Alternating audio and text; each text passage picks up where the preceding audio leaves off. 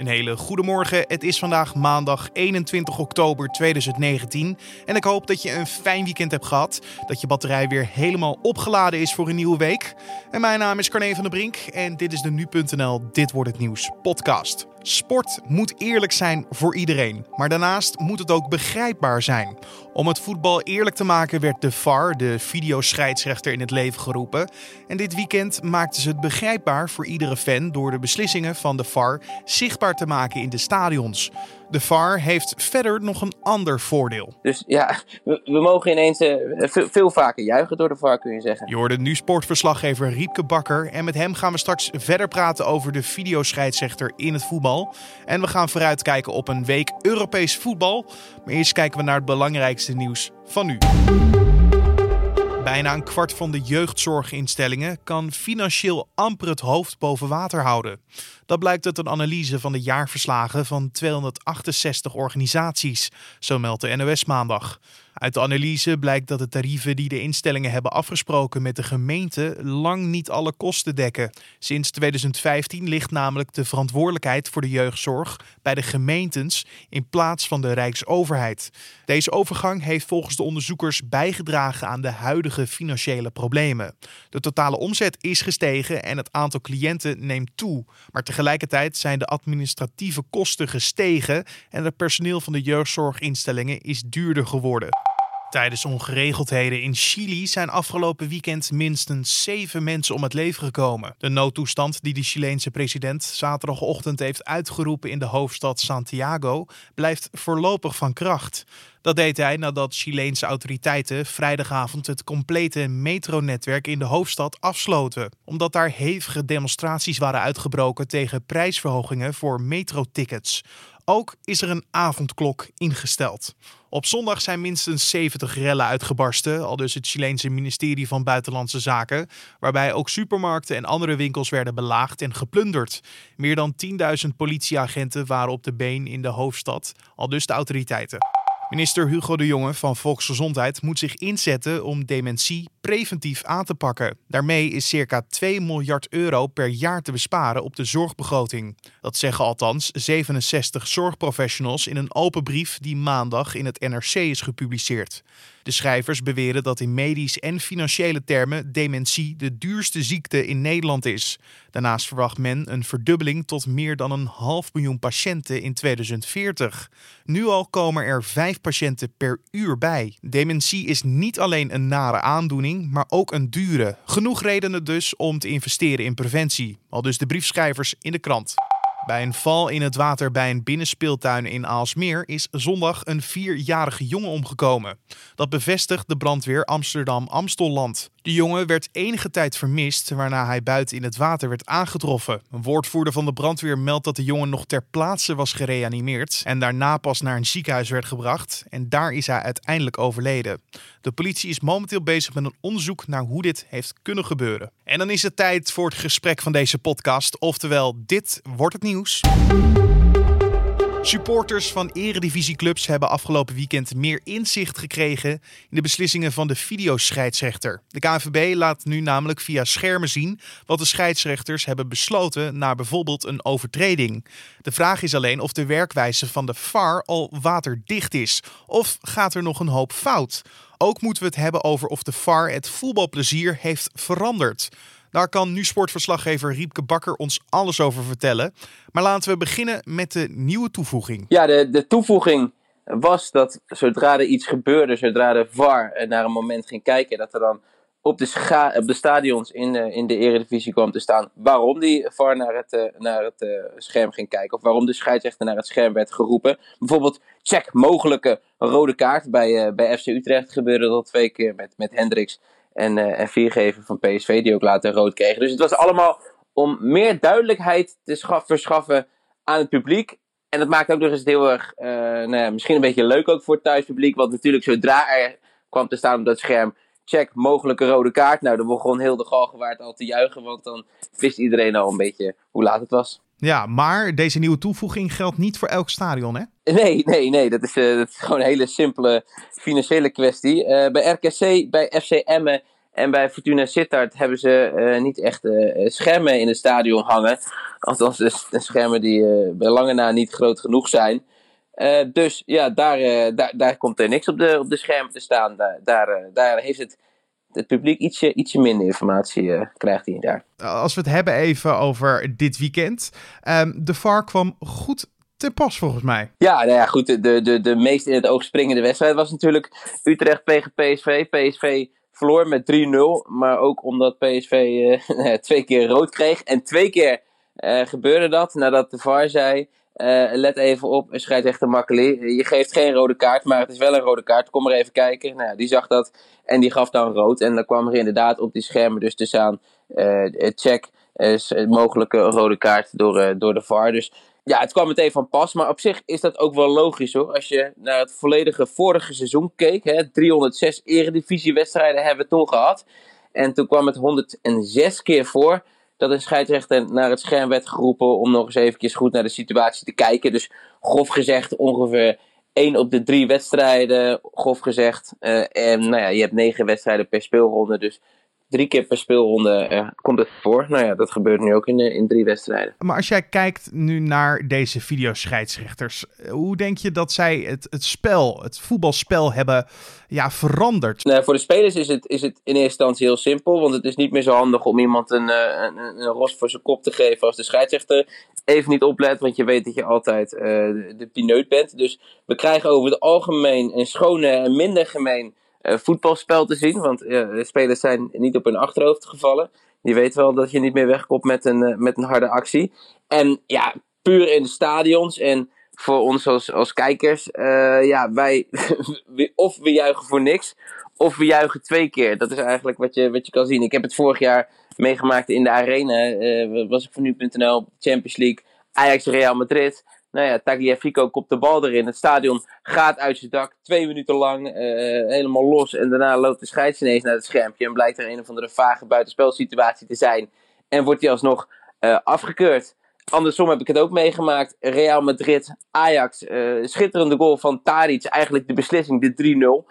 Maar het was heel lang onduidelijk of Mazraoui de bal had binnengehouden binnen het lijntje bij een ingooi of niet. Dus eigenlijk durfde de Ajax-supporter niet te juichen in het stadion. En de ontlading was eigenlijk pas groter toen de scheidsrechter zei...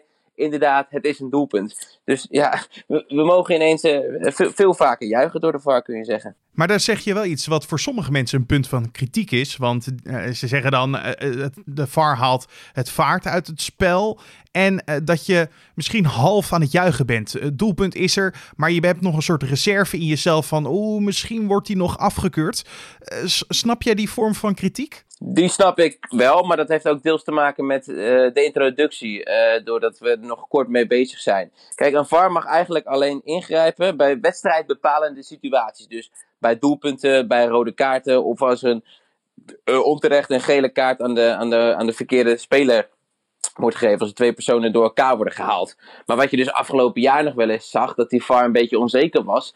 En dat hij dacht, nou, ik weet het verder ook niet. Uh, kijk jij maar eventjes, scheidsrechter, naar wat je ervan vindt. Ja, dat is niet de bedoeling. De bedoeling is discutabel, is acceptabel. Dat zegt de KNVB. Dus als een scheidsrechter of als een VAR iets ziet en hij twijfelt, hij denkt ja, het zou rood kunnen zijn, maar ik weet niet zeker, moet hij niks doen. Hij moet pas doen als hij zegt, ja, dit is zeker rood scheidsrechter, kom maar even kijken. Of dit was zeker buitenspel scheidsrechter, kom maar even kijken. En dan wordt die VAR ook veel minder naar het scherm geroepen. En dan ligt het ook veel minder lang stil. Ja, nu zie je dus in het stadion wat de beslissing van de scheidsrechters zijn. Um, gaat er nog meer veranderen in de toekomst? Of is dit de definitieve vorm van de video-scheidsrechter? Nee, we krijgen nog uh, twee uh, leuke toevoegingen als het goed is.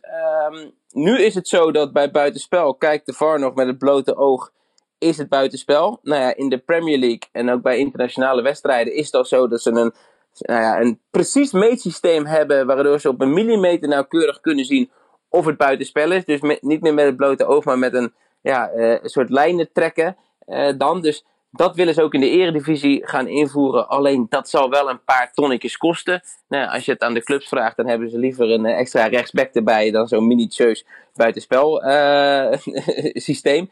Dus daar is de KNVB voor aan het sparen. Maar het allerleukste, dat komt er ook nog aan.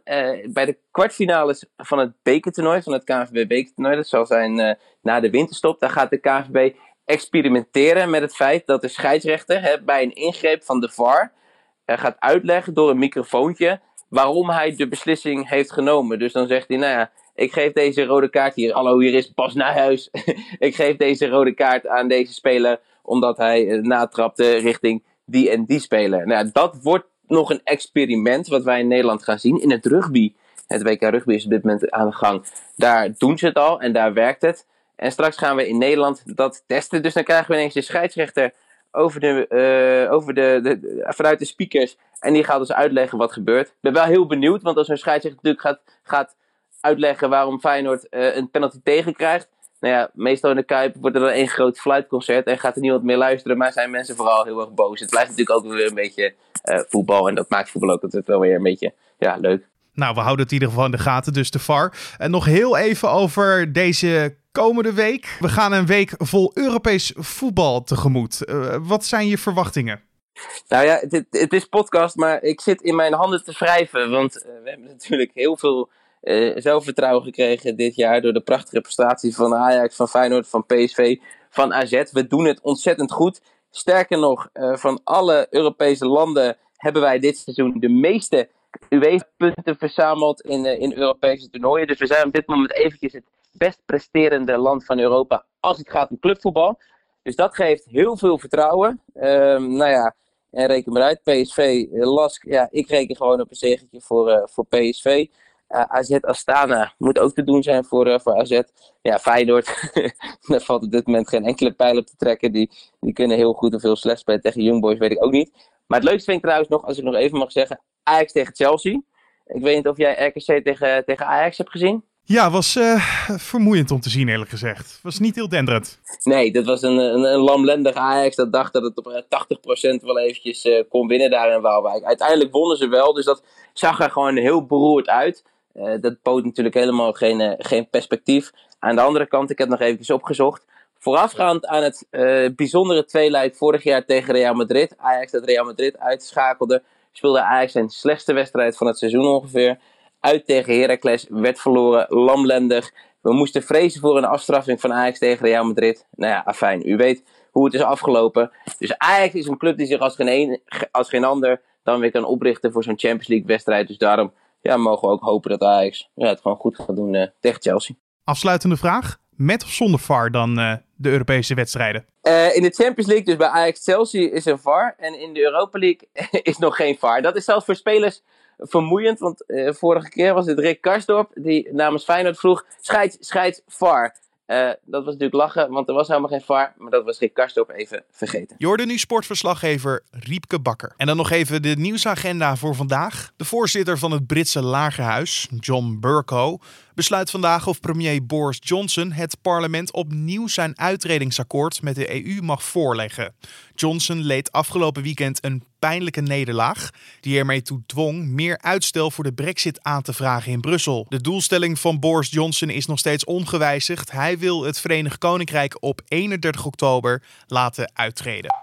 De 67-jarige vader, die dinsdag met zes meerderjarige kinderen werd gevonden in een huis in Ruinerwold en donderdag is aangehouden, wordt vandaag voorgeleid bij de rechtercommissaris. Hij hoort dan of hij langer in de cel moet blijven. Hij wordt verdacht van het medeplegen van wederrechtelijke vrijheidsberoving, mishandeling in de zin van het benadelen van de gezondheid van anderen en van witwassen. En Canada gaat deze maandag naar de stembus om een nieuw parlement te kiezen. Naar verwachting wordt het een nek-aan-nek race tussen de liberale partij van de zittende premier Justin Trudeau en de conservatieve oppositiepartij. Trudeau en zijn partij hebben de laatste tijd aan populariteit ingeboet door diverse misstappen en schandalen, maar toch hoopt hij nog genoeg zetels te winnen voor een tweede termijn. En dan nog even het weer. De maandag begint grijs met vooral in het noorden buien. Die trekken later weer weg en dan wordt het droog en breekt af en toe de zon door. Het wordt ongeveer 12 graden in het noordwesten tot lokaal 16 graden in het zuidoosten. En om af te sluiten nog even dit. Een man in Wageningen had zondagavond een flink pak papiergeld gevonden in een pinautomaat. Ik hoor je denken, heeft hij het gelijk uitgegeven? Heeft hij het in zijn eigen zak gestoken? Of heeft hij het laten liggen waar het lag? Nee, niets van dat alles. Hij had het namelijk gelijk ingeleverd bij de politie. En de politie heeft de man inmiddels uitgeroepen tot held van de dag. De man trof het papiergeld aan in een geldautomaat toen hij zelf wilde pinnen, al dus de politie in een Facebookbericht. En op de bijbehorende foto kan worden afgeleid dat het om een bedrag van meer dan 500 euro gaat. De politie gaat nu in samenwerking met de bank onderzoeken wie de eigenaar is van het geld. En de politie voegt aan de Facebook-post toe dat mensen geen privébericht hoeven te sturen als ze hun geld zijn vergeten. En dit was dan de Dit wordt het nieuws podcast voor deze maandag 21 oktober.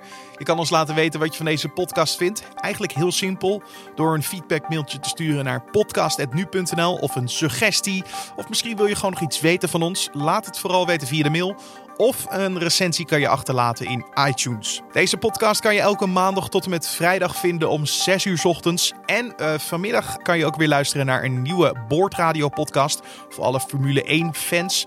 We gaan dan weer praten over wat er is gebeurd in de Formule 1 wereld. En deze podcast is er morgenochtend weer. Mijn naam is Carne van der Brink. Ik wens je een mooie en sterke maandag toe aan het begin van deze week.